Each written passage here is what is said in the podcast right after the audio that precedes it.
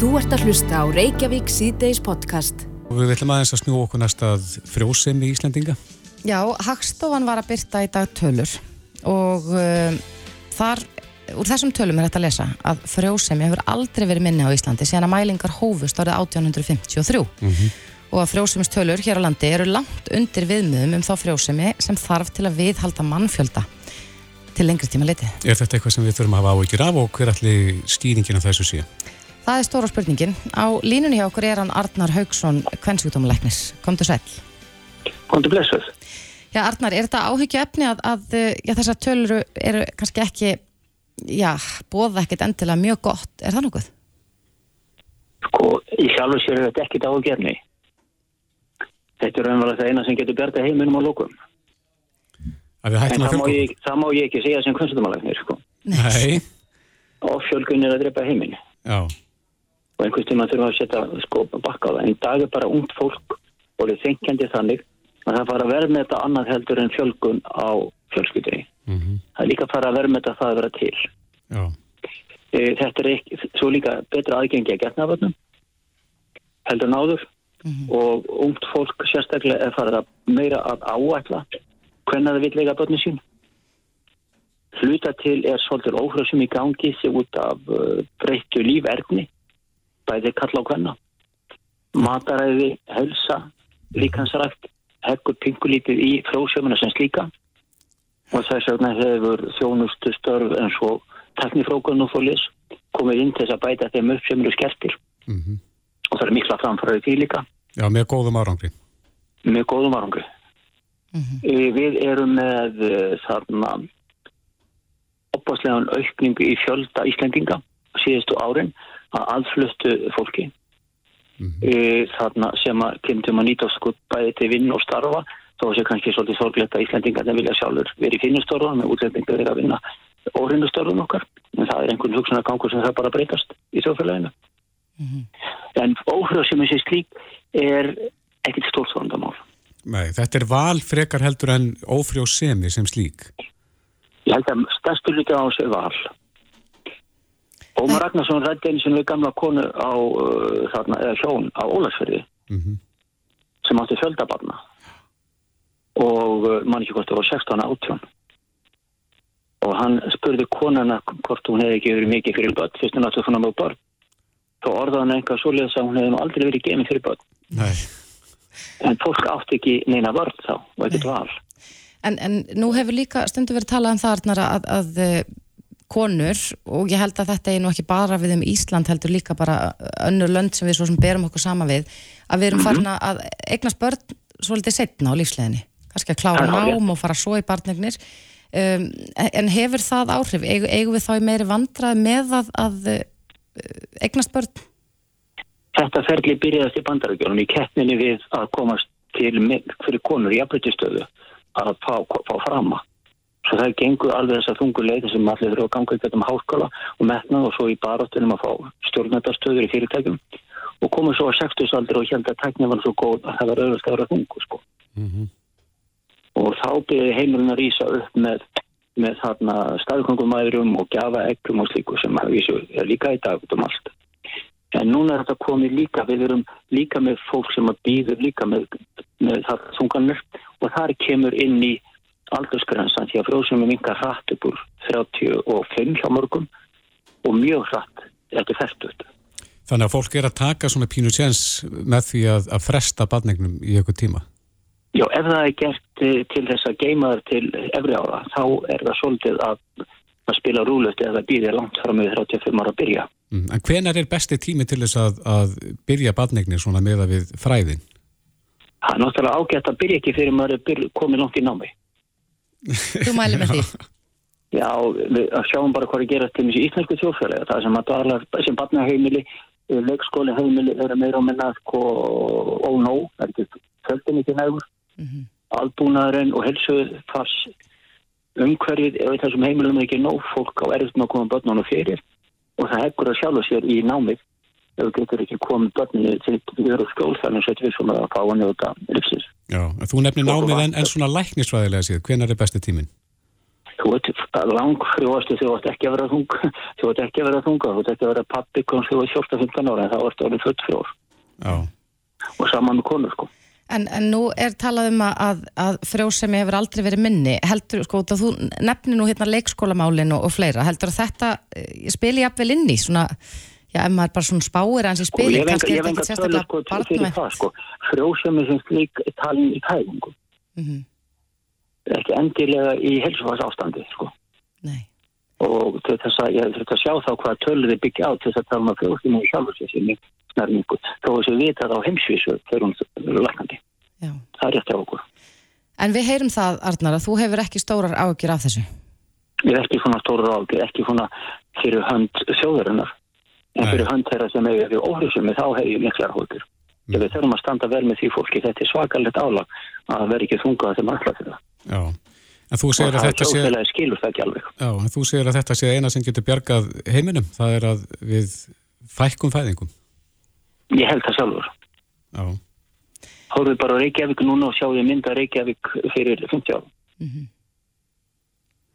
Já, þetta er, það er vissulega hægt að, að horfa á þetta frá mjög mörgum hliðum en bara rétt fyrst og varst nú að minnast á það að þeir sem að glíma við já, ófrjósemi uh, þurfa á stöðningi að halda. Erum við að standa okkur nægilega vel, sko, bara ef við hugsaum bara um ríkisvaldið og hvernig við erum að styðja við þann hóp?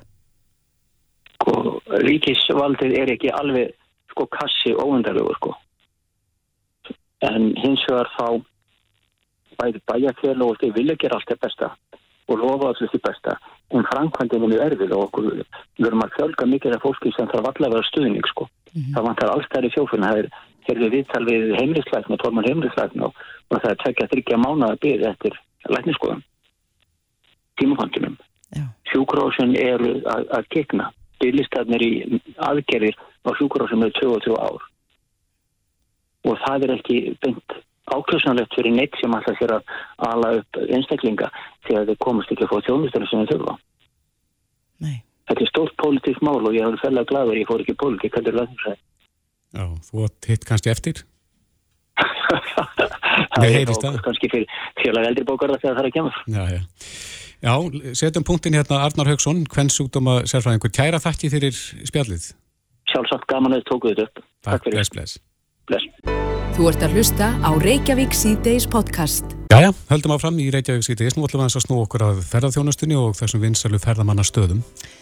Já, eh, Vilhjálmur Arnarsson, formaður uh, Þingvallanemdar og Þingmaður sjálfstæðisflokksins, hann ætlar að, að þrýsta á að tilhörnaverkefni um sjúkarþyrla á Suðurlandi fara að staða nýju og hann talar líka fyrir því að, að, já, að við ættum að, að fara að rukka ferðamenn fyrir já, kannski svona aðgang að þessum náttúruperlum okkar og síðan væri hægt að nota þá peningi að far- fjármagna til dæmis uh, sjúkarflutninga og viðbræð Já, einmitt og svona aðra innviði á þessum ferðamanna stöðum.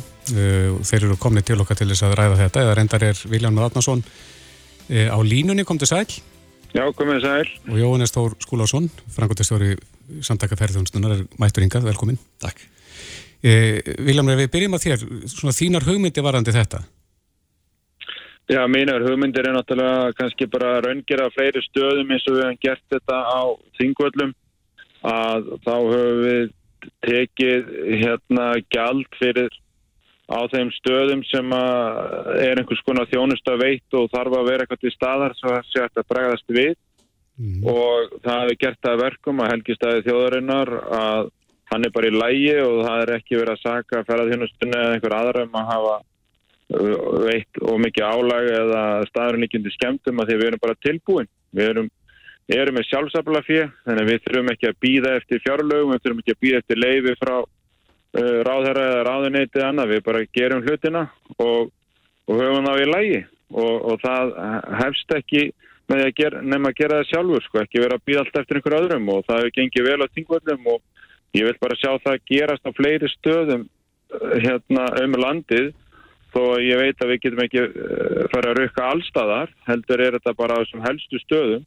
þar sem að þarf stýringu og þarf að bregðast við að því annars fer bara illa.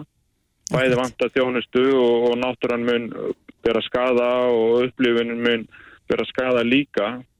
Og svo er þetta hérna þá líka þannig að við erum ekkert að tala um að rukka að náttúru perlinni heldur er við að, að rukka til þess að standa undir þeim innviðum og þjónustu sem þarf að veita kringum eh, komu ferðamanna og annari gesta á svæðin. Mm -hmm. Jóhannes Þór, þú ert nú ekki kannski ósamála viljón með varandi það að það þurfi eitthvað að gera til þess að já, styðja við uppbyggingu á þessum svæðum en, en þér finnst hins vegar að já, ferðamennir eru nú að skila ansi eh, háum upphæðum í ríkiskassan. Já, kannski náttúrulega til að byrja með bara að, að langa með að að minnast á það að við Vilhelm höfum átt mjög gott samstarfum ímislegt meðal annars varandi þingvallega þukkar og fleira og hérna eru nú ekki mjög ósamála um, um mar mjög marga hluti en þarna kannski greinir okkur okkur svolítið á um hvernig á að standa að svona uppbyggingu. Það sem að ég var að benda á kannski í dag var að, að sko í staðin fyrir að hugsa fara alltaf fram með þessu hugsun og segja það verður að láta ferðamannin borga sérstaklega hér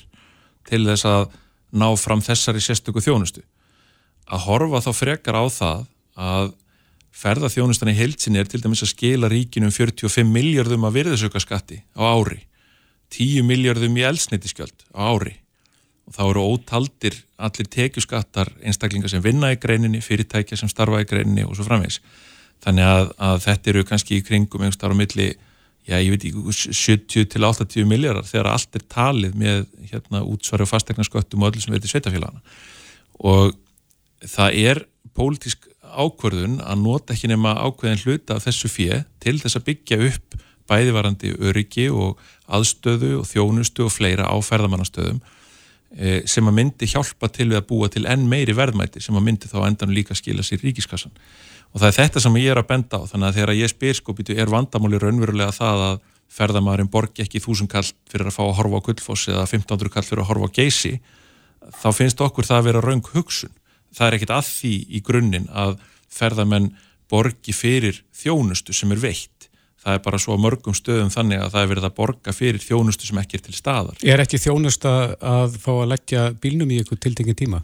Ég meina bílastæðagjöld eru bara vel þekkt dæmi mm -hmm. en þá skiptir kannski máli hvort að það er raunverulega búið að búa til bílastæði á staðnum til dæmis, hvort það er eitthvað haldið utanum það, er það reynsað, er ekkert að fara á klósett á staðnum, er einhver þjónustafnu til staðar Eitt af því sem við erum að sjá núna er að það er svona tölverð hugsunum það núna í stjórnkerfinu að fara að taka göld á ýmsum ferðamannastöðum núna af herra Muller sem kemur í dag til þess að borga fyrir þjónustu sem að frú Smith fær að nota eftir 3-5 ár. Við erum bara alls ekkert tilbúin í þetta. Þetta þeir eru að greiða sem njóta þjónustunar. En þarna eru við, og, og, og þetta er ekki bara í þessu tilfellu ástæðan fyrir því að við bregðum svona kannski hart við svona Uh, hugmyndum um sérgjaldtöku er það að við erum að sjá þetta í svo óbústlega mörgu tilliti þegar það kemur að uh, þessu, það er verið að horfa á nýja skattlagningu, sér skatta á þetta og hitt á atvinnugrein sem að skilar rúmlega 400 miljardum í gjaldiristekjur inn í samfélagið á ári og uh, hérna að minnstakosti rúmlega 60 miljardum inn í, í, í skattkerfið. E, og það er bara einfallega pólitíska ákvörðun að nota þá peninga í eitthvað annað mm. heldur en uppbyggingu, þannig að þegar uppkoma svona mál þá er ég algjörlega sammála viljálmi um það það þarf að bæta öryggenda hef ég gætna bent á það þetta hefur farið óbúslega hratt, mikil sprengja og kerfin okkar þau kannski setja svolítið eftir og við þurfum að hugsa fyrir því að, að vinna þau upp. En, en þá þarf líka pólitíkin að horfa til þess að nýta þá peninga sem þegar er að koma inn af atvinnugreininni til þess að byggja upp þessi kerfi Já Viljanmur, þú setur þetta í samingi við umræðuna um sjúkra þyrlur. Hvernig serðu þetta spila saman? Uh, ég sé, sko, sjúkra þyrlan spilar saman kannski þannig að, að hún, hún gagnast bæði ferðamennum og bara íbúum og okkur sem landsfólki að færa sagt, aðgengið heilbyrðistjónustunni hérna nær fólkinu. Þannig að allir eigi rétta á, á henni öflugustu heilbyrðistjónustu sem allar allra fyrst það er aðal atriði í, í þessu En hvað ætti að, en, að fjármagna en, þá þjónustu? Hva, hvaða ferðamannastæðir eða? Nei, það, það er ekki ferðamannastæðin sem er að fara að fjármagna þá þjónustu heldur er, er, er nú það kerfið þannig að sjúkratryggingar eða þá tryggingar viðkomandi sem er fluttur í því hvað sem sé ferðamadur eða eða hérna íbúi Íslands að, að þá er bara borga fyrir vissan sjúkraflutningi gegnum, gegnum það.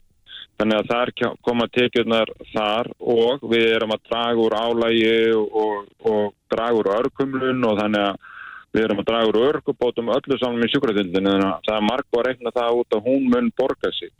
Og við erum í dag að borga fyrir sjúkraflug sem að hluta til færi þá sákostnæri voru sjúkratildina þannig að þessar gjaldtökur og ferðamannastöðun tengjast ekki uppbyggingu sjúkratildinni en þær tengjast kannski því sem að Jóhannes kom að inn á og er hægt að segja um alla atvinnuvegi, það er allir atvinnuvegir og við öll sem hérna e, fólk á vinnumarkaði og borgum okkar skatt og gjöld að, að að þetta fer allt í samnýsluna til þess að hafa hér heilbriðiskerfi, hafa hér lögjæslu, hafa hérna félagslegt kerfi og, og, og hafa almannatryggingar og allt þetta til staðar.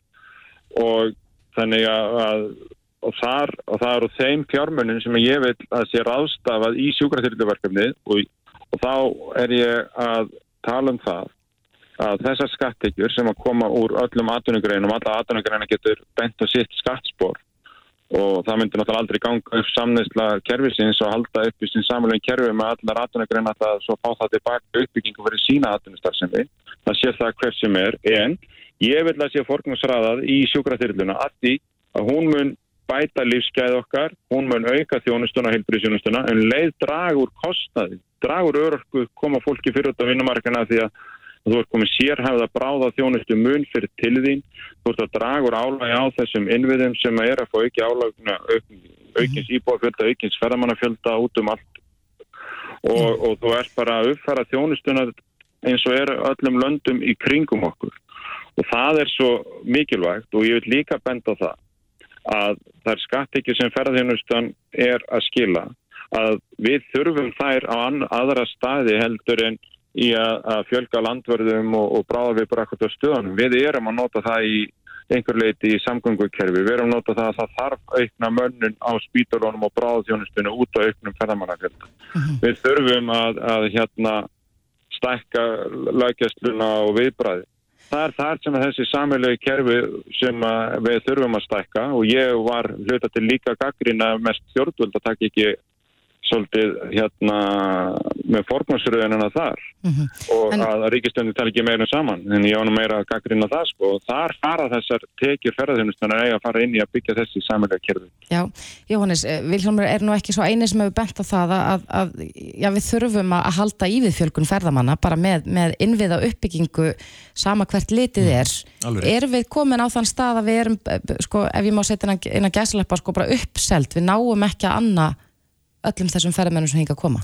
Nei, stefnir það í það? Nei, við erum ekki uppselt og, og þetta er mjög afstæð tala. Ég stundur spurðu hvað getur við tekið á móti mörgum. Það er afstæð tala og það fer alveg einmitt eftir því eh, hvað er kapasitíð að afkasta getan bæði í, í ferðarþjónustu vörunum og svo líka í þessum stuðningskerfum okkar. Mm -hmm. Og eftir því sem við erum döglegri að byggja þau upp, þeim mun, ef að segja, rýmra verður um þann fjölda sem við tökum móti hversu mikill sem hann er. Það er hins vegar engin... Eh, það er ekkert markmiði sjálfu sér að fjölga ferðamönnum, alls ekki. Við viljum auka hins vegar verðmætin og til þess þurfum við að, að gera til dæmis það sem Vilhelmur er að tala um sem er alveg rétt, að það er hlutverk atvinnugreinana í rauninni í samfélaginu að búa til verðmæti sem að til dæmis samneislan getur svo tekið og nýtt í heilbyrðiskerfið, mentakerfið og allt þetta en til þess að það geti gerst, þá þurfum við að taka bara alveg eins og í fyrirtækjarekstri og alveg eins og í heimilisrekstri hlut af tekjurum til hliðar og segja þetta ætla ég að nota til að fjárfesta í uppbyggingu í mínu fyrirtæki eða bæta við, leggja til hliðar til að geta keft mér starra íbúðarhúsnæði eða, eða hérna e, í þessu tilfelli lagt til hliðar til þess að bæta aðstöðu, öryggi og aðbúnað og þjónustu á ferðamannastöðunum þar sem að ferðamenninni sem er að koma með peningana inn í samfélagið og inn í ríkiskassan eru að koma til þess að sjá. Mm -hmm. Þannig að þeimun, og það er það sem að ég er raunin að tala um, það er, það er ég myndi vilja sjá mér í pólitíska áherslu á að nota aðeins stærri hluta þessu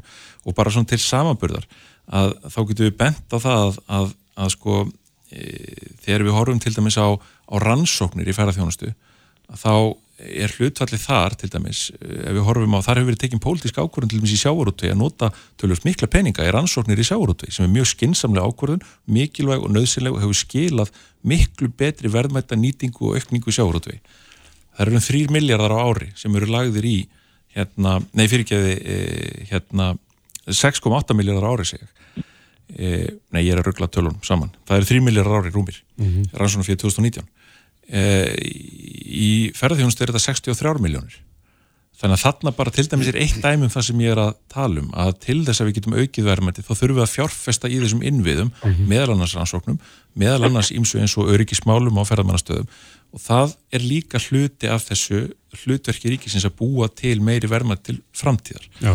það verður ekki gert bara með sérskattlagningu Er þetta ekki bara er, er þetta ekki fín rauk Viljámur? Má ekki erðnamerkja meira fjö úr þessum sjóðum, svona meira við það sem að ferðarþjónstun er að uh, stila í ríkisjóð?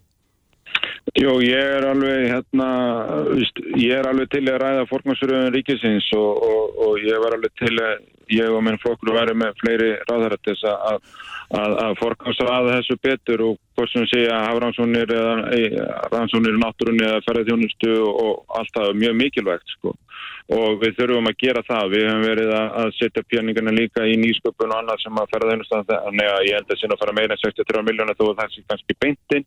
Við erum með ferðamálastofu og fleira sem að mætti byggja upp og, og, og lengi mætti telja og allt þetta gagnast þetta á milli aðunuvega en ég vil þó benda það að við vorum hér með gistináta skatt sem er að fara að koma inn aftur en hann var að fóra allir í, í, í frangandarsjóð, ferðamannastada og, og innviðarsjóð hjá ríkinu mm. og þó að við hefum fælt niður hérna þennan skatt og við hefum haldið áfram þessum frangandum.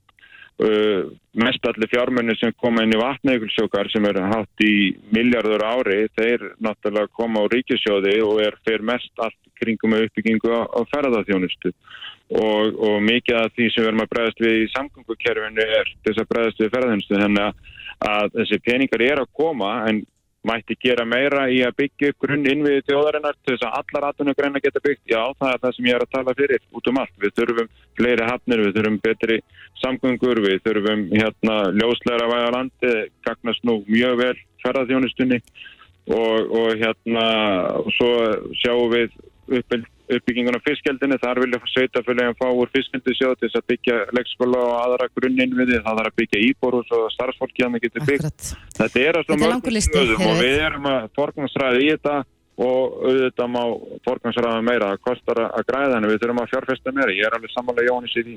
Já, Jóhannes, við ætlum ekki að sleppa þér alveg strax en Vilhelmur Árnarsson, þingmaður uh, sjálfstæðisflokksins, kæra þakkir fyrir spjallið. Já, takk sem leiðist. Jóhannes, eitt mál sem hefur verið mikið til umræð núna síðan að eh, byrti skýrsla gær frá uh, matvarastofnum um kvalviðar. Kvalviðar er nú eh, svona heit kartabla í samfélaginu. Mm. Hver er skoðun ferðarþjónustunar á, á því hvort við eigum að halda þessu áfram eða hætta þessu? Sko, skoðun ferðarþjónustunar hefur verið nokkuð skýr nokkuð lengi. Eh, við setjum þetta upp í einfallega í tvent samhengi. Annars vegar það að ef við horfum á þetta bara í beinu efnahagslegu samhengi þá hafa kvalveðar á góða ári verið að skila um 2 miljardum í hérna, útlunnstekjur. Ferðarþjónustan er grein sem er að skila rúmlega 400 miljardum í útlunnstekjur. E, þegar við horfum síðan á þann skada sem að kvalveðar geta valdið e, orðspor í Íslands varðandi ferðarþjónustu e, þá getur hann verið tölvist meiri en 2 miljardar. Þeir eru fljóttir að fara ef að ég held ég að við rekna þetta upp í nokkur þúsund ferðamenn sem að þurfa að ákveða, það var undir 10.000 ferðamönnum sem þurfa ákveða að fara bara freka til Norregs en Íslands og þá eru þessi 2 miljardar hornir það er að segja mótvæðið er, er farið. Það er, er, það er, neist, það er bara, Já, það er bara einföld reiknum, við vitum hvað hver ferðamæður eigðir hér á landi eða í neistlu á, mm. á cirka á mann að meðaltali þannig að þá er þetta bara einföld útreiknun. Ég held að það séu 7000 og eitthvað ferðamenn. En er fólk að hætta við að koma út af þessu? Já, fólk er að hætta við að koma. Í hvert sinn sem að, og þetta er náttúrulega það sem við höfum verið að benda á í hvert sinn sem að þetta efni kemur upp er þá hrúast yfir e, hérna e, fyrirtækin, ferðamálastofu okkur og fleiri e, hérna fyrirspurnir mótmælapóstar og ýmislegt. Fólk sem er bæðið að spyrja hvað þetta er, af hverju er þetta svona og, og svo framvegist, þannig að það er mjög sterkur hópur fólks, sérstaklega okkar kjarnamörkum í miða-Európu og í bandaríkjónum sem fylgist með þessu máli og tekur ákvarðanum um það hvert það ætlar að fara út frá því. Það er ekki massi ferðamannana en það er nógu stórt hlutfall til þess að það hefur þessi áhrif og maður geta sagt já þeir koma alltaf hvort þið er sko en það er ekki það sem þetta snýstum vegna þess að hitt aðtriðið er líka spurningum hvaða sögu eru við að segja út í heiminn.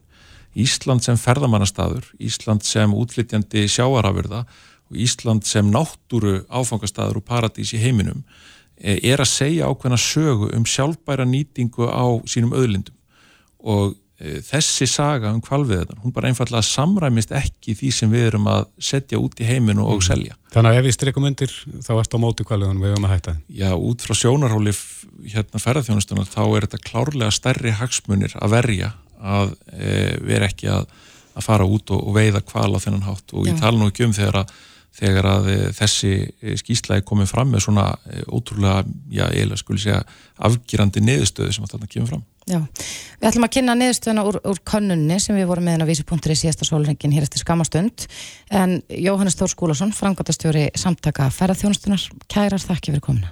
Takk. Þetta er Reykjavík C-Days podcast. Við höldum áfram í Reykjavík C-Days. Mér finnst eins og upp á síðkastið mm -hmm. og þá er ég kannski að tala í árum að við erum æg oftar að sjá fréttir af því að fólk er að leita að uppruna sínum. Og ekki bara að leita uppruna sínum út fyrir landsteinana, heldur eru líka ja, berast yðurlega fréttir af því að fólk sé að leita að uh, nánum ættingum, sískinum, fóreldrum hérna innanlands. Er það, það samfélagsmiðlarnir sem að gera fólki það kleift? Ég, ég held að samfélagsmiðlarnir allavega sko minga heiminn, mm -hmm. bara gera hann agnar smáan þannig séð, vegna þess að þú getur einhvern veginn ná sambandi við hvert sem er. En núna um helgina byrstist uh, fréttin á vísi.is sem segir sögu Sigurúnar Sigurðardóttur sem var ætleitt þegar hún var tíu daga gömul mm -hmm. og hún ólst upp vitandi að hún ætti samfæðra bróður einhvers þar að núti en það var ekki fyrir í byrjun þess ár sem hún ákvaða að setja allan sinn kraft í að hafa upp á hún en þetta, ég eh, svona lett okkur svolítið að þeirri hugsun að þetta er að verða algengara, en hvernig fer fólk að þessu? Já, hvaða leiðir hefur fólk til þess að uh, finna ættingja? Og þá uh, er er uh, neðustan svo að við fengum til okkar Sigur Nors Kristjánsdóttir sem að hefur auðvitað unnað þáttunum leitina uppröndunum í, í þó nokkur ár núna. Kom til sæl Sigur. Góðan daginn. Er ekki hægt að segja sérfræðingur í þessum málefnum? Sko ég veit það nú ekki en kannski eru fáir hérna á Íslandi með meiri reynslu í þessu. Ég er náttúrulega búin að vera í næstu í áratug mm. að garfa í þessum málum. Einmitt. En hvaða leiðir hefur fólk? Hvaða, hvaða möguleikar eru opnir? Sko, Þetta er nefnilega en snúið að því ég rendi nú yfir, eh, yfir þessa grein líka áðurinn í komingað og, og ég hef stundu gert grína að það er eiginlega flóknar að leita svona nálagt sér stundum. Mm. Eða skiljið, bæði er hérna í löndunum í kringum okkur svona persónavend tekin aðeins hátílegar heldurinn til dæmis í þriðja heiminum og svona og það er ekkit mhm. auðvelt ofta að fletta fólki upp og finna það. En lang flestir er náttúrulega með einhver svona fótspor eftir sig á, á netinu og þá er alltaf svona spurningin hvað ertu, hvað ertu með af upplýsingum til þess að byrja mm -hmm. og, og hún nafna mín í þessu tilfelli sem að þú ert að vitna í er náttúrulega með mjög takmarkaðar upplýsingar og er að leita að manni á Íslandi. Mm -hmm. og þá þarftu svolítið bara eins og hún er búin að gera að reyna að spyrjast fyrir í kringum þig hvað veit fólk? Og, og hún nefnir þarna sko það sé greinlega eitthvað fólk sem að veit eitthvað ykkur stöðar að því sko sýstrinn er sögðu lík þessum bróðu sínum og það er svona eitthvað fólk að gefa eitthvað í skinn hér og þar. Og svo er það þessi DNA-pró um, og að því þú ert að tala um að þið finnist þetta að verða algengara uh, að fólk leiti uppruna síns jú það er líka mín tilfinninga það er líka að því að það er náttúrulega ekki mjög langt síðan að það var hægt að senda inn DNA sín í eitthvað banka sem að sko keiri saman niðurstöður úr, mm -hmm. úr öllum heiminum Hvaða bankar eru bestir í því? Sko þeir eru nefnilega algjör frumskór og þeir eru mjög margir og ég sá að hún var búin að senda inn í, í einn þeirra hérna, MyHeritage ef, ef ég mann rétt mm -hmm.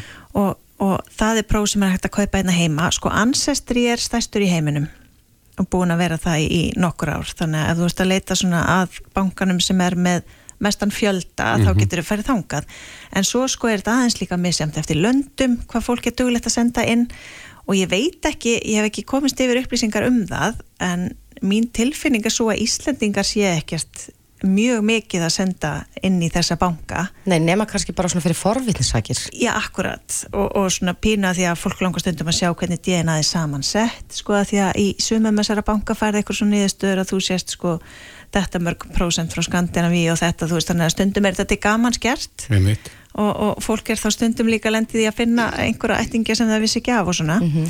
en hérna, en svo er það reynda líka þannig sem að kannski ekki margir vita að sumir bankar eh, bjóð upp á þar möguleika e, að þeir taka við sko niðurstöðum úr öðrum böngum þannig að það er hægt að ef þú ert búin að senda inn á einum stað Eins og maður heritage? Já, til dæmis, að þá getur þú sendt þær niðurstöður sko yfir í aðra banka sem keira þá saman við sínar niðurstöður og stundum er það meira sér gjaldfrjálst þannig að og, E, e, gerir, er það fyrirtækið sjálft þá? Þú ert búin að senda til MyHeritage, mm -hmm. sendir MyHeritage þá á hinn bankan? Já, en þú þarfst að óska sérstaklega eftir því og svona vesenast aðeins í því. En það er allavega hægt, þannig að fólk vita af þeim möguleika og, og Google er þá vinur fólks í, í því að komast að hvort að, að þinn banki býður upp á þetta. Akkurat, en þetta er alltaf háði, sko, ef ég myndi senda inn próf og væri að leita að einhverjum ákveðum einstaklingi, þá þarf sá einstaklingur að vera búin að senda inn líka. Það er alltaf háði að, að, að þessu er bæði. Já, einmitt, akkurat En svo erum við náttúrulega með fyrirtæki í Vassmýrinni sem að er vantilega með leikilna þessu öllu saman. Já, Kári situr á því Já, eins og ormur á gulli. En hvað má þar? Það var mjög takmarkað. Já, Já, en svo veit maður ekki hvað hva verður sko. Eða ég bara, ég, ég vingar mér upplýsingar en þið en, en, en stundum með mitt sko að því ég fæ mjög mikið af fyrirspurnum frá fólki ég hérna heima sem er að koma staði sko seint að það hafa verið rángfæðrað og ég er eiginlega ekki minn ennur upplýsingar bara til svo dæmis ég tekið sko eða á eitthvað sískin einhver staðar og, og eitthvað svona. Og hérna já og þá er þá svona stundum klæja mann í að komast í, í, í Kárabankan Já, sko. fá ga- aðeins að fletta upp í því. Já. En eins og segir, þú fær mikið af fyrirspurnum um þetta. Mhm. Hefur verið, eða sérst, hefur heyrst bara jákvæðar sögur frá fólki sem að hefur á endanum tekist að finna það sem það var að leitað? Já, bara lígilega margar svo ég segi nú bara alveg svo er það er alveg ótrúlegt sko hvað hva fólk hefur rekist á. Að því að sko meir segja þótt að, þótt að þú sérst að leita einhverjum og finnir ekki nákvæmlega hann í bankanum að þá getur fólk oft rakið sig áfram sko, þú kannski passar við einhvern sem er svona aðeins fjarskildur sendir honum post og, og hérna ert kannski með einhvern nafn eða gælunafn eða fæðingarár eða sem myndi ekkit gagnast þér annar staðar en ringir einhverjum bjöllum hjá þessum frænda og þannig er hægt að reykja sig áfram og svo er líka dæmi þess að fólk hafi sendt síni inn í DNA-banka fyrir einhverjum árum og svo kemur mat setna sko að því Já. þá sendir einhver ættingi inn og, og allt passar sko Þannig að þetta lúrir þarna inni og, og svo gæti verið bitið á. nákvæmlega Já. en svo veit ég alveg það er einhverju hikandi við að senda inn í svona banka því að náttúrulega alls konar áleitamál sem, a, sem að þeim tengist sko Já. og þetta er náttúrulega bara fyrirtæki sem eru reikin í hagnaðarskinni þarna úti og hérna Upp á það þá að, að, að það sé einhvern veginn verið að misnota upplýsingarnar eða... Ég, ég einmitt að þetta verði kannski einhvern tíman hakkað og, og ég var að lesa einhverja grein um það að sko hérna það sem að er kallað privacy policy þarna uh, úti. Að hérna það getur verið allt frá sko hundrablaðsum sem enginn les yfir einhverja eina setningu sem náttúrulega inniheldur mjög lítið sko þannig að það er svona ekki alveg það er ekki allir sem treysta í hvernig, hvernig farið með þetta. Nei. það er margt í þessu En, en hvað með samfélagsmiðla? Nú eru, já, það er bara ekkert mörg ár síðan það voru, ég held að ekki alveg næstu 99% íslensku þjóðurinnar á Facebook yfir einhverjum x aldri Já. og þannig að það eru mikla líkur á því að, að sá sem þú leitar sé þar inni Mhm. en er fólk mikið að nýta sér alla þessa Facebook hópa, setja inn einhverja myndir eða reyna þannig að uh, grafa fólk upp? Facebook hópa sem að snúast um svona mál Já, og bara almennt, Já. kannast einhverju við kauða? Mhm. Já, fólk hefur alveg verið að fá upplýsingar þannig og sko fólk sko hefur náð bara að- komast að ótrúlegustu hlutum með gramsi, sko, ég veit um bara nokkur dæmi þess að- fólk var með kannski eftirnafn á einhverjum föður og fór að garfa og slóin á Facebook. Þetta eftirnafn og reyndi svona að þrengja niður á eitthvað ákveði svæði og sendi svo bara öllum post með þetta nafn. Bara ég er að leita þessu manni og stundum með mitt kemur eitthvað út úr því sko. Er leitin að upprunanum hópur inni á Facebook? Nei, Og þurfti kannski að koma honum á lakirnar. er það? Er það búin að fann á? Sko, ég er allavega, ég er sött í byli. Já. Já, þetta er orða ágætt. Þetta, hérna, sko, bæðið mitt er þetta rosa mikil vinna að að standa í svo vera með uh, þættina og, og viðmælendur sem eru í þáttunum og svona.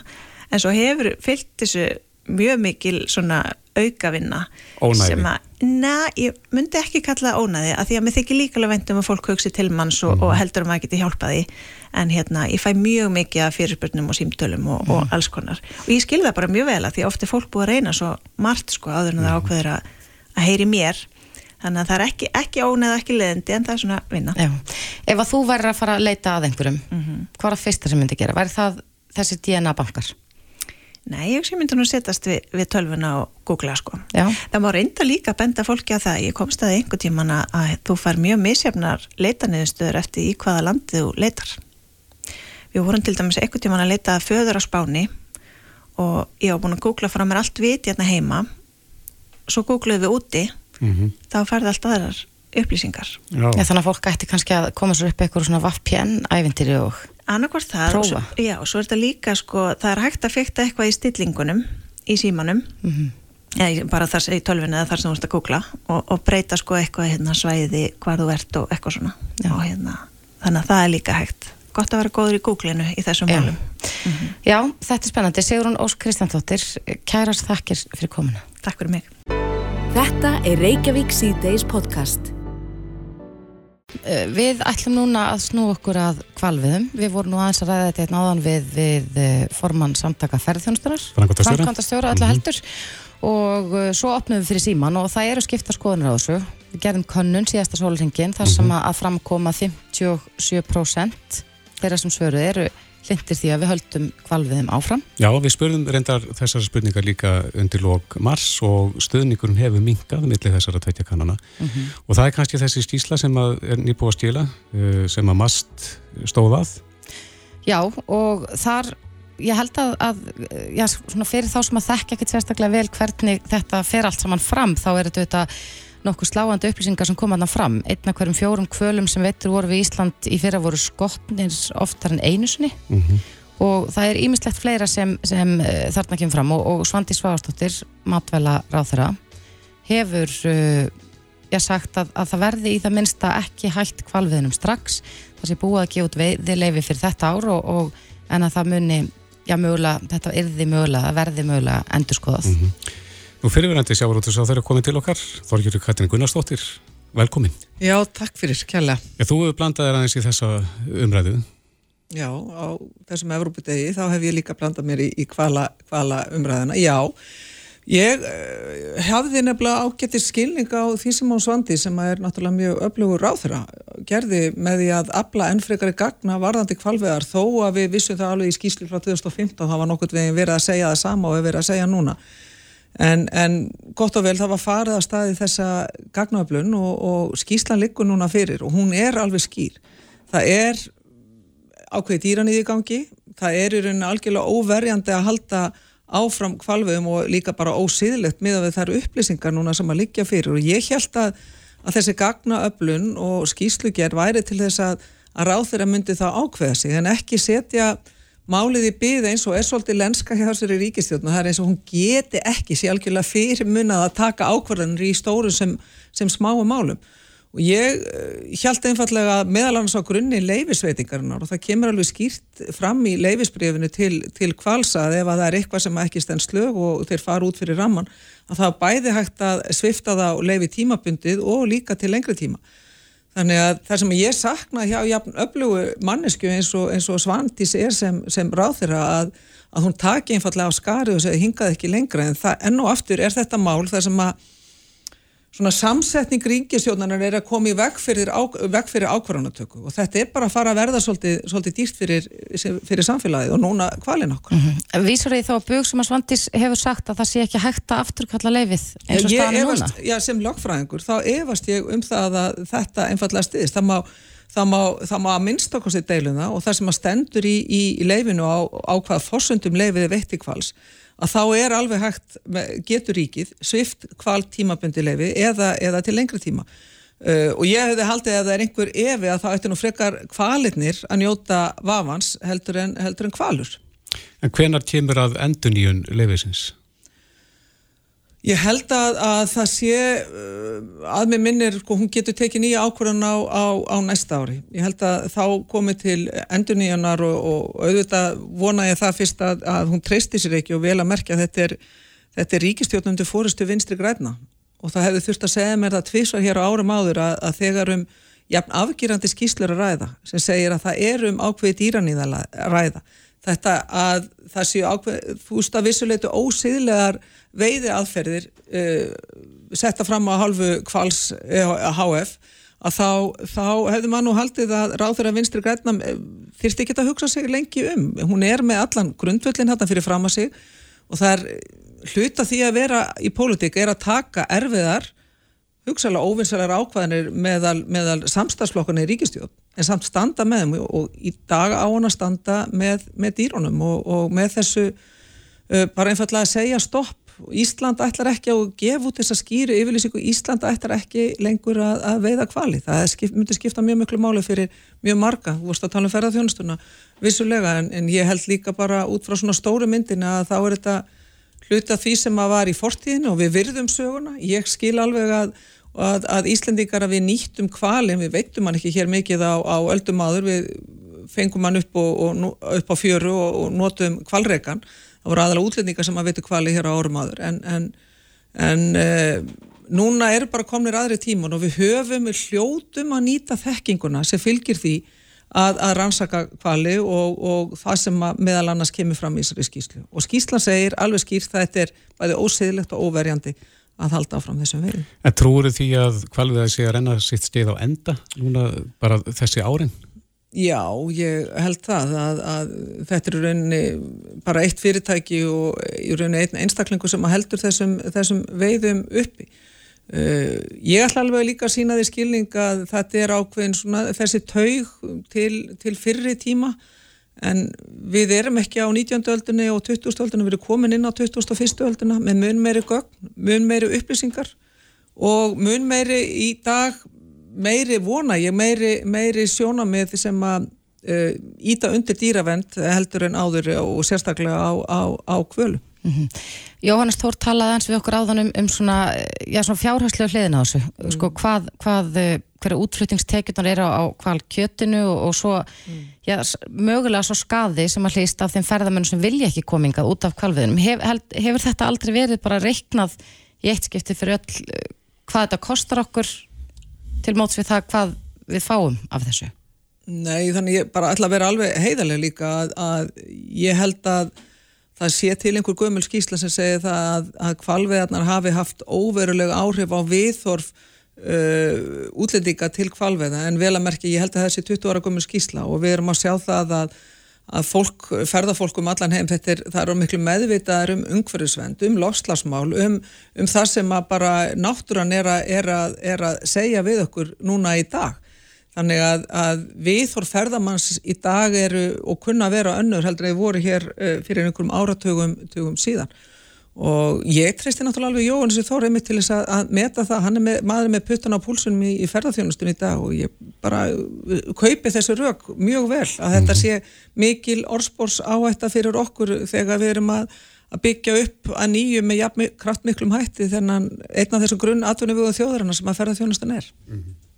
En Þorgir, þú nefndir Evrópudaginn sem er í dag? Já, til hafmyggjum með Evrópudaginn. Já, til hafmyggjum með það sjálf. Eh, Nýkonnun sínir að fleiri íslendika vilja taka upp þráðinn að nýju, það er ekki meira að viðraðin við Evrópusambandið. Já, ég, þetta er náttúrulega mikið fagnarefni þessi konnun og hún sígur, sínir að það er mikið stígandi því að, að fólk ekki bara er meira hlind Evrópusambandinu og komið vel yfir, yfir 40% bara sem er engangur hlind aðildinni sjálfri. En það eru tæplega 60% sem að vilja, og það eru í öllum flokkum sem að vilja uh, að þjóði fá tækifæri til þess að, að segja sitt hvort að ég halda áfram með við, viðræðinar og ég held að þó ég vilji fara lengra strax að þá er það mjög skýrt skref að þjóði fá einfallega að kjósa um það hvort að við eigum að halda áfram viðræðanum það er innan við 20% sem er núna algjörlega ansnúin því. Þannig að það eru mjög jákvæða fréttir og, og ég held að það er engin að vera hrættu við það að að við förum þá í bæði þessa þjóðratkvæðgreðslu og vonandi verið sagt já því að, að mér finnst þjóðin verið að segja við viljum og þórum að hugsa til lengri tíma. Uh, mér finnst oft svona íslensk stjórnmál og uh, enginnast af svona skamtímalusnum og auðvitað er það þannig að við hefum aldrei að vannmeta viðfansefni dagsins í dag. Það er, bara, það er verkefni okkar stjórnmálafólksins að taka á heilbreyðismálum að, að taka á mentamálum og það er bara það sem við erum að gera daginn út og daginn inn hvað sem eru þau mál eða húsnæðismál, samkeppnismál. Allt er þetta það sem við þurfum að vera vakandi og við höfum uh, sett fram okkur til úr allir flokkar í rauninu og þingi hafa, hafa, hafa gert það með einum öðrum hætti. En við verðum líka að þóra að horfa til lengri tíma Annars erum við að fara að lenda í þessu aftur og aftur. Við munum hlusta á bylgjuna, hlusta á ykkur eftir 5 og 10 ár, vera bísnast yfir allt á háum vöxtum, allt á mikill í verbulgu, miklu hæri vextur heldur en ger, gengur að gerast í, í Evrópuríkjum. Þannig að, að mér finnst þetta að vera jákvæð byrtingamind þess að, að fólki segir, herri við þórum, við þórum að, að leifa okkur að hugsa til lengri tíma og þá finnst mér það líka að vera skilabót til okkar sem erum í stjórnmálum og ég er mjög stolt af því að, að viðrisnir í dag einu flokkurinn sem að þorir að hafa Evrópumárin á dasgrá og, og tala um þau og forgámsraða og við til að mynda í þinginu núna þegar við erum að, að eh, velja þau mál sem að við í stjórnarhanstöðinu viljum fá í gegn á síðustu metrónum að þá verður tvímálust annað af þeim tveimur málum okkar í viðrisna að, að þjóðin fái þetta mál sem og til að okkar um það að, að þjóðin fái tækifæri til að kjósa um framald viðræðana. Já, en eins og segir að þá er viðreist einu flokkurinn sem er ennþá með, með Europamálinn svona ofarlega en heldur þessi stemning í þinginu til þess að, að leifa þjóðinni að ég, um ég þetta? vil frekar heyra það þá stjórnmálum að stíga fram sem segja nei, ég þór ekki að treysta þjóðinni. Ég vil bara einfallega segja gott og vel, uh, ég vil fá að heyri stjórnmálamönnum og í hvaða flokki sem er sem að segja, nei við viljum ekki leifa þjóðina að, að komast að. Því að við erum með tvítryggingu í gegnum þetta. Við sem að viljum fara hraðferðina við erum búin að segja ok, allt er fína. Við, viljum fær þjóðratkvækrisli reyndar hef ég og, og nú var þetta formaður sjálfstæðisflokksins við vorum saman á tillugu árið 2009 sem að mitt lagði þetta fram að þjóðin ætti fyrst að fá að kjósa en, en Samfélking og Vinstrigrann heldum mjög óhöndulega á málun öllu á, á sínum tíma og það var svona ákveðu offorst, það var stemming í samfélaginu og það var mikill meðbyr með því að, að sækjum uh, fyrir uh, aðelda Evrópussambandinu. Ég taldi þá, eins og ég tel rétt núna, að við ættum að spyrja þjóðina og við í stjórnmálanum eigum að, að hlýta því svari og, og ég vona að þjóðin segja já og svo sjáum við bara hvað, hvað setur. Normenn eru búin að kjósa tvísvar um það að, að, að fá aðelda Evrópussambandinu 1972 og svo 94 Uh, og núna, uh, og þeir fældi í bæðiskiptin, en núna er til að mynda sýstuflokku sjálfstæðisflokksins Høyre í, í Noregi að þau eru, Erna Solberg er alveg búin að segja skýrt, við ætlum að setja þetta á dagskrá, því að áskorunarnar framöndan er ekki bara hvers lands, heldur það eru reysa verkefni framöndan, við erum að tala um lofslagsmál, við erum að tala um það að, að vestran líðræðisríki eh, þurfa að standa saman í baráttunni fyrir mannréttindu, fyrir líðræði, fyrir jafnrétti, fyrir aukinni efnahagslegri en líka félagslegri velsælt og, og ég vil bara taka undir með Erni Solberg, við eigum að hafa kjark og þór uh, við Íslendingar alveg eins og norski hægri flokkurinn uh, er að gera og reyndar ungferðisflokkurinn líka í Nóri, hann er búin að kúvenda sinni stefnu, Miljöpartíð sem að segja, nú viljum við bara stefnin í Evrópusambandið. Því að Evrópusambandið er með mjög aggressífa uh, lofslagsstefnu uh, innan sinna raða og, og við Íslendingar höldum ekki eins og í við þá þau markmið, þannig að það er að mörga að hyggja og tækifærin eru svo sannlega til staðar en, en þetta er góði dagur, þetta er bæði góðkönnun en líka það að, að Evrópudagurinn minnir okkur á það að við, það er ekki sjálfgefið að standa vörðum frelsi, marittindi og, og líðræði og við Íslendingar eigum einfallega að taka þátt í því. En hvað sér við því, Þorgjörður, þið eru eini flokkurinn á þingi sem verður með þetta mál á stefnusgráni. Já, Eh, Bandamenn ykkar í þessum málum, samfélkingin, setti þetta mál á ís og ríkur upp í konunum. já. Er það ekki eitthvað til að óttast fyrir ykkar flokk? Nei, ég er bara vona það að þau haldi sig við stefnuna sem er þarna undir niður þegar maður kafar undir niður og er komin í sjöndu skúfu í skrifborunni hjá þeim og það er að sækjum aðalda Evropasambandinu og, og, og uh, skiptum gjaldmiðl. Ég bara vona að þau haldi í, í þær hugsunni sem að eitt sinn voru mjög afgerandi innan þeirra raða. Ég held líka bara að það sé mjög uh, öflug manneskja sem að er komin núna í fórustu hjá samfélkingunni og, og ég segi það með fullri vinningu fyrir mín, mínu góða vinn Loga sem að, sem að gerði vel og held samfélkingun á lífi í, í þessi ár á samt ágættu fólki.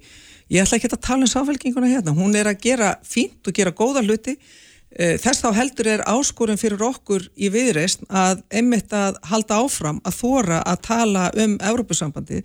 Við munum ekki, þó að þessi skoðanakonu núna sé mjög jákvæð, þar hafa verið verri gegnum tíðina varandi Evrópusambandið.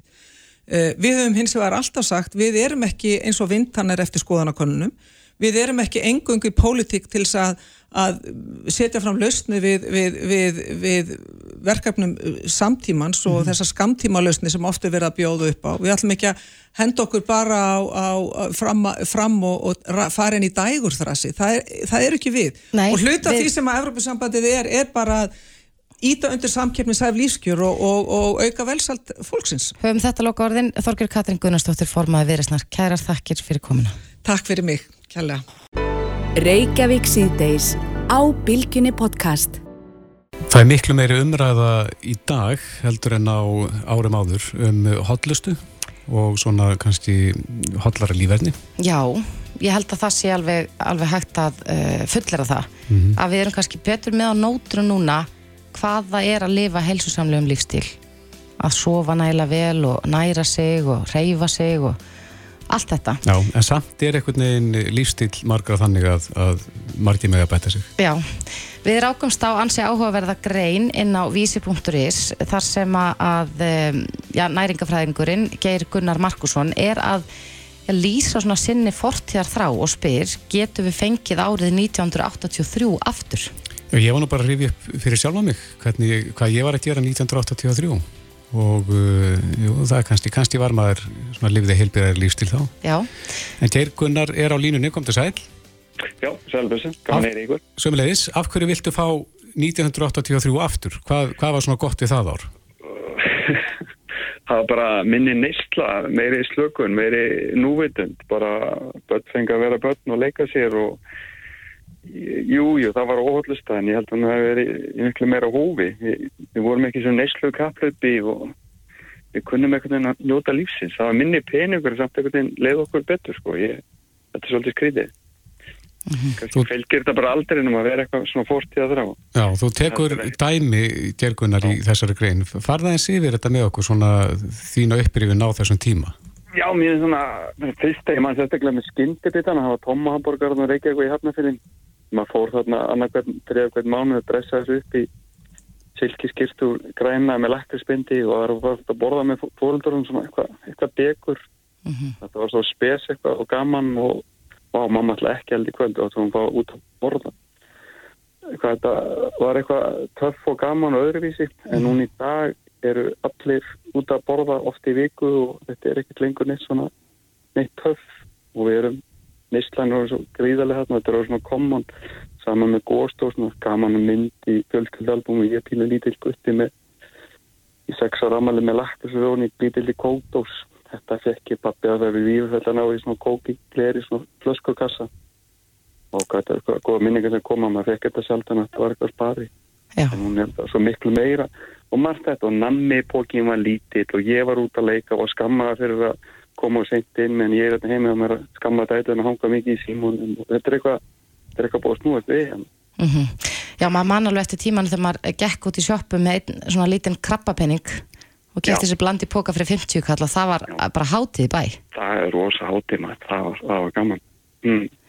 En, en heldur, sko, hvað heldur að valdi þessu? Nú, nú varst að tala um sko, neyslu samfélagið og, og maður, við höfum nú áður talað hér í þessum þættu um svona hraðan í samfélaginu. Er hraðin orðin það mikill að við höfum ekki tíma til að elda næringaríkun og góðan mat heimi okkur og grípum þá í skyndibittan sem er oftar en ekki óhallur?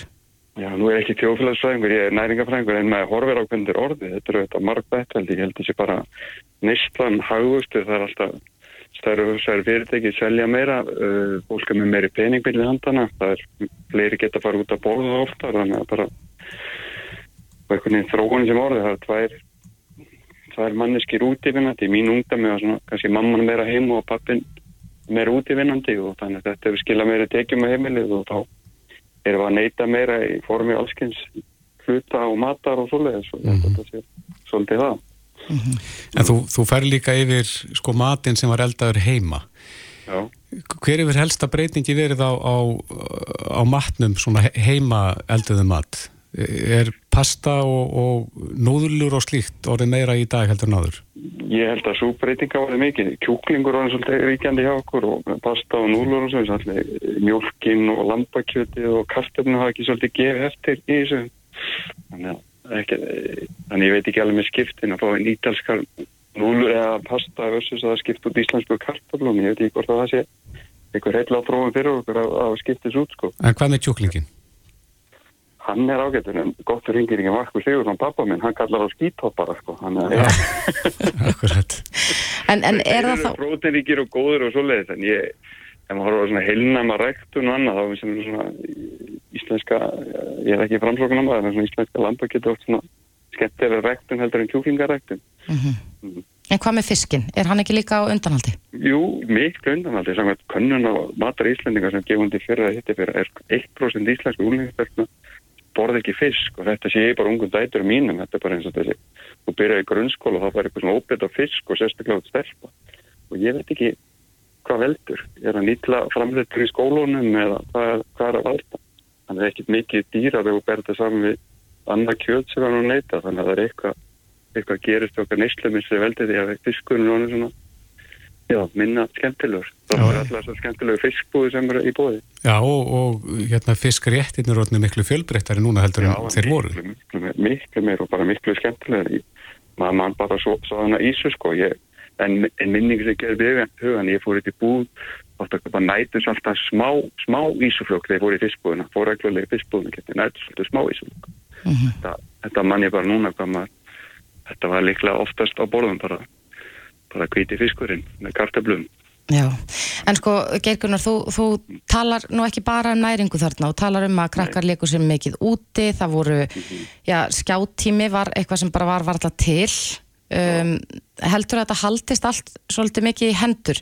Er, hefur það verið rannsakað til dæmis hvort að, að ef að börn reyfa sér mikið eða fólk hreinlega reyfi sér mikið að þá, já, kannski verður mataræðið svolítið hotlara meðfram því? Ég held að það sé alveg starrend hvort ég er ekki nákvæmlega með þessa rannsóknir þegar þetta hreyfa það meira líka með kallar meira á þá hotlari fæðu og svoleiðis og þeir bara líður betur í skroknum og hefur meiri kraft til að hreyfa enn freka þannig að það er alveg starrend að kyrsetta og óhaldista kallar á meiri kyrsetta og óhaldista þannig að þetta er einhvern veginn lengra onni það það neyslu minnstur sko. Til meira sem að lifi sér afti í sko. Já. þannig að erfiðar er skrefin upp úr sófanum til lengur sem að er í óhaldistunni og reyfingalysinu sko Já. En þú nefnir líka í greininni orkudrykkina sem að komi eins og stormsveipur inn á þennan markað. Já, ég nefnaði söguna, en ég gaman að setja þessu upp með sig á fyrstu drekkunni hérna, 97, og það kom Egil's í samkjöfnið að 98. Með Egil's orku. Egil's orku, og mm. síðan þá er þetta verið svolítið svona brjálæðislega undarfærum fimm ár held ég með tilkom uh, nokk og hefur þetta rókið upp úr öllu vald og ég bara, þetta er orðin bara svaladrykkur og þetta er orðið í öllu það er komið koffin í alla, alla drykki sem hann neyta og mér finnst þetta óheilalt dróin að við séum að neyta svona mikið koffin það bara hefur áhrif á svefnin og streytuna og meldinguna og alveg en börnin okkar þannig já En þetta er ekki bara bölmóður, hefur ekki eitthvað breyst til hins betra? Jú, svo ég það er efni aðra grein sko, ég er kannski fullt svartsitt en það er margt gott. Ég, við erum fann að reykja miklu meira, við erum ekki Minna. að blinda fyllir í með leika miklu minna, við erum ekki að blinda fyllir í með landa. E, þessi skjánótkun hefur líka hjálpa okkur samskipt á aukist, ég meina fordómar er að minka, heimurinn er að minka, ég, það er komið miklu meir úrvar águstum og græmmiti og miklu með, meðvitundum holt matræð og svoleiðis, þannig ég, við erum alveg á góðreilegi líka, þá vil ég telja upp, maður vildi kannski aðeins að maður geti hægt á þessu lífskeiða kappu og þessar neyslu sem er orðin og, En þú horfir allavega með, með svona gerindar augum til ásins 1983 þar sem að, að margt í okkar samfélagi var helsu samleira en það er núna. já, Linda sýsti mín, litla sýsti mín, þakka líka reyndi maður að þakka mér fyrir, hún er fætt þetta ár sko, Já, en þetta geggja ár sko, þetta var gott ár. Já. Og það er hægt að lesa pistilinn inn á vísi.is, það er undir skoðun. Geir Gunnar Markusson, næringafræðingur, kærar þakkir fyrir þetta. Takk fyrir að taka mér þetta, takk, takk, takk, eða góðan dag. Sömulegis. Hlustaðu hvena sem er á Reykjavík C-Days podcast. Jæja, nú er úslita viðregnin hafinn í korfuboltanum. Já, og það eru sömu tvö liðin sem eru að, að keppa eins og í fyrra og aldrei hef ég áður upplöðað jafnekla stemningu Nei. eins og á þessum leikjum á milli vals og tindastóls. Já, uh, annar leikurinn í kvöld, henn er Byrgi Gunnarsson, uh, fréttastjóri Íþrótta er mættu til okkar, velkomin. Jú, það er innilega fyrir. Já, þetta var háspenna og mátti litlu munna uh, í fyrsta leiknum. Já, fyrsti leikur var uh, bara eins og við vontum búast, þetta eru bara tvö bestu liðin og hann var frábær. Stólæni voru nokkur eða konni með uh, sigurinn í leiknum en valsmenn er einhvern veginn konni svona með svarta beltið í, jöfnum viðrögnum, koma tilbaka, halda sér á lífi Mhm. og ég held að svona 8-10 sekundur viðbúta þeir eru tekið það. þetta er bara þannig rimma bara, þetta verður svona dramatík í hverjum einasta leik. Og allt styrla til enda sko. Sko, rifið aðeins upp með mér út af því að, að ég varð allt í nú óbáslega fanatísk á korfbólta bara í fyrra og svo glemdi ég að korfbólt væri til þar til aftur núna. Já. Þetta virkar þannig að þau þurfa að vinna þrjá leiki Mhm. í þessum, þetta er svona Já. svo fyrri til að vinna, eða fyrra liði til að vinna þrjá leiki Mhm. verður Íslandsmeistari. Já, og Valur hefur uh, titil að verja frá því síðast tindastóll eins og komið inn á réttilega er náttúrulega að spila þeir úslita val annar ári í röf og tindastóll hefur þetta aldrei orðið meistari. Og það búið að kosta miklu til oft á tíðum í skagafyrinu til þess að koma þessi liði allarlega á toppin og tindastóll hefur undan fyrir márum svo sannlega verið eh, með kannski liði til þess að fara allar leið en þá er ekki, eitthvað, ekki allt smollið kannski ekki rétt í þjálfarinn og réttu stað og réttum tíma. En þeir virðast vera koni með uh, rétta þjálfaran núna í Pavel Ermolinski sem að tókvelin núna um mitt tíanbill og fyrir þá sem ekki vita þá er Pavel einn mest í sigurverðin í íslenskum korgnallik og einn mest í korgnallik hei, heili sem við höfum bara átt. Hann er þjálfari hann er þjálfari og Já. hann var Íslandsmeistari með uh, valsmennum á síðustu leiktíð. Þannig að hann þekki valsliðið vel. Út og inn og var náttúrulega í þessu ofurliði káeringa sem var Íslandsmeistari endalust Mhm. hér fyrir örfa á árum síðan. Og hann uh, já, kláraði með valsmönnum síðast og hann vann líka alla þessa titla með káer með þjálfara vals, Finni Frey Stefónsinni þannig að hann er að keppa gegn sínum gamla lærimeistara sem að hafa já, fari í gennum uh, gríðarlega bara farsælt í gennum árin og hann þekkir þjálfara líka og hvað hann leggur upp með og annað. Þannig að þetta er svona og gaf hann að stilla upp einvíum og þetta er svona einvíi sko læriseignir gegn læri föðurnum og félagarnir sem hafa farið í gegnum upp á tindin ansi oft saman. Og það er bara ótrúlega rimma og það er, sko, kemur fólki kannski ekki óvart því að Pavel er svo mikill sigurver og mikill körubólta hugsuður að á örskömmun tíma hefur hann tekist að breyta þessu tindastólsliði úr því að vera lið sem að er ekki langt frá því að ná fram væntingum sínum í það að vera bara besta lið í dildinu og þeir eru komið inn í þessa seríu. Tindastólsliði tali, tali vera líklæra en það veri algjörlega óstöðvandi síðustu vikur og spila körubólta bara sem engin annar lið eiga möguleik í og það er Pavel Ermalinski En uh, tindastólsmenn er í góðri stöðu, þeir unnu á útivelli og eru á heimavelli kvöld. Eru þeir líkleri til að vinna leikin í kvöld? Tindastóll hefur ekki tapað á heimavelli úslutakefni sinna árið 2021 með neyði krakkar, það var ennþá það að mæta þannig síkið er bara svo að uh, fara í ferð til helviti sko, það er bara þetta er sko andrúsloftið og stemningin í síkinu á söðagróki er eitthvað sem hefur bara aldrei verið búið til í íslensku íþróttilifi áður. Við höfum sé flotta stemningu, hún er flott á valsleikjunum. En þarna ertu bara með íþróttahús sem er svo mikil grifja köllu krókutilagrifin eða síkið Mhm. og það magnast upp háænarna það er allstaðar verið einhvern veginn ofan í andlítinu á þér, það er ótrúlega heitt. Og stuðningsmenn eru byrjaðir að syngja kannski þrjú fjögurundur saman ána leikmyndur og konið til búnisklefa Mm. eru þeir mættir og þeir syngja svona fjóra-fimm klukkutíma látlust. Og þetta er orðið slíkur menningar viðbörður að fólk er ekki bara að kera hérna úr höfuborginu til þess að upplifa þetta heldur er bara allt Norðurlandi, það er bara Húsavík, Akureyri, Ólasfjörður, Siglufjörður. Fólk er að fara bara með heilu fjölskyldunar henda sér í tindastólsból bara til þess að upplifa þessa stemningu því þetta er eitthvað einstakt sem er búið að búa þarna til það smitast svo sannarlega vel í gegnum sjónvarpið en þetta er bara eitthvað sem fólk bara nást verður að upplifa þetta er slíkur menningar viðbörður Mhm. ég fekk að upplifa þetta tvisa sinnum í fyrra og ég er búin að vera lengi í þessu og búin að upplifa alla stemninguna allstaðar í öllum íþróttúsum og ég fullir það að þetta er það besta sem að hefur verið gert á Íslandi Af hverju ertu ekki í kvöld? Uh, að því ég er að fara til Vestmanni eftir tóta og var í Vestmanni fyrir tveimur dögum og ég er að lýsa leik í kvöld og það er high season í okkur núna þannig að maður getur ekki allstaðar alltaf Nei. En aðeins að uh, fyrir leiknum, eða fyrsta leiknum, það var ljótt brot sem við sáum þar, þar var Kristófur Eikóks blóðgæður. Er komin einhver niðurstað í það mál? Heyrðu, það kom niðurstaða í morgun þannig að bara þetta máli búið að vera mellir tannan á fólki mjög mikið og margir voru með hissa á að Andomas Drungilas sem er litóisku leikmaður tindastól skildi ekki hafa fengið brottaristur á húsi sem hefði þýtt leikbann. Mhm. hann er óbóðslega mikilvægur þessi tindastólsliði og hefur gríðalegt vatn og vinlu valsmanna að losna viðan svona innan gæðsalapa en e, málu var tekið fyrir og í hátteginu var því bara síðan vísa frá þannig að Drungilas spilar í kvöld. En þetta er skemmtilegu kappi.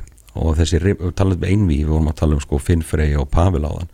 Þá er það Kristófur Eikóks og þessi Drungilas Drungilas er geggjaða gæi, hann er svolítið dörti og vorum að taka til að mynda saman frétt á vísi, hann er búin að vera í sjöleikja banni á þeim tveim árum sem verið hérna og það eru fjögur að fimm aðtíkina sem álbóðanir hafa svona flógi full frjálslega skulum við orða. Mm, af miklu afli.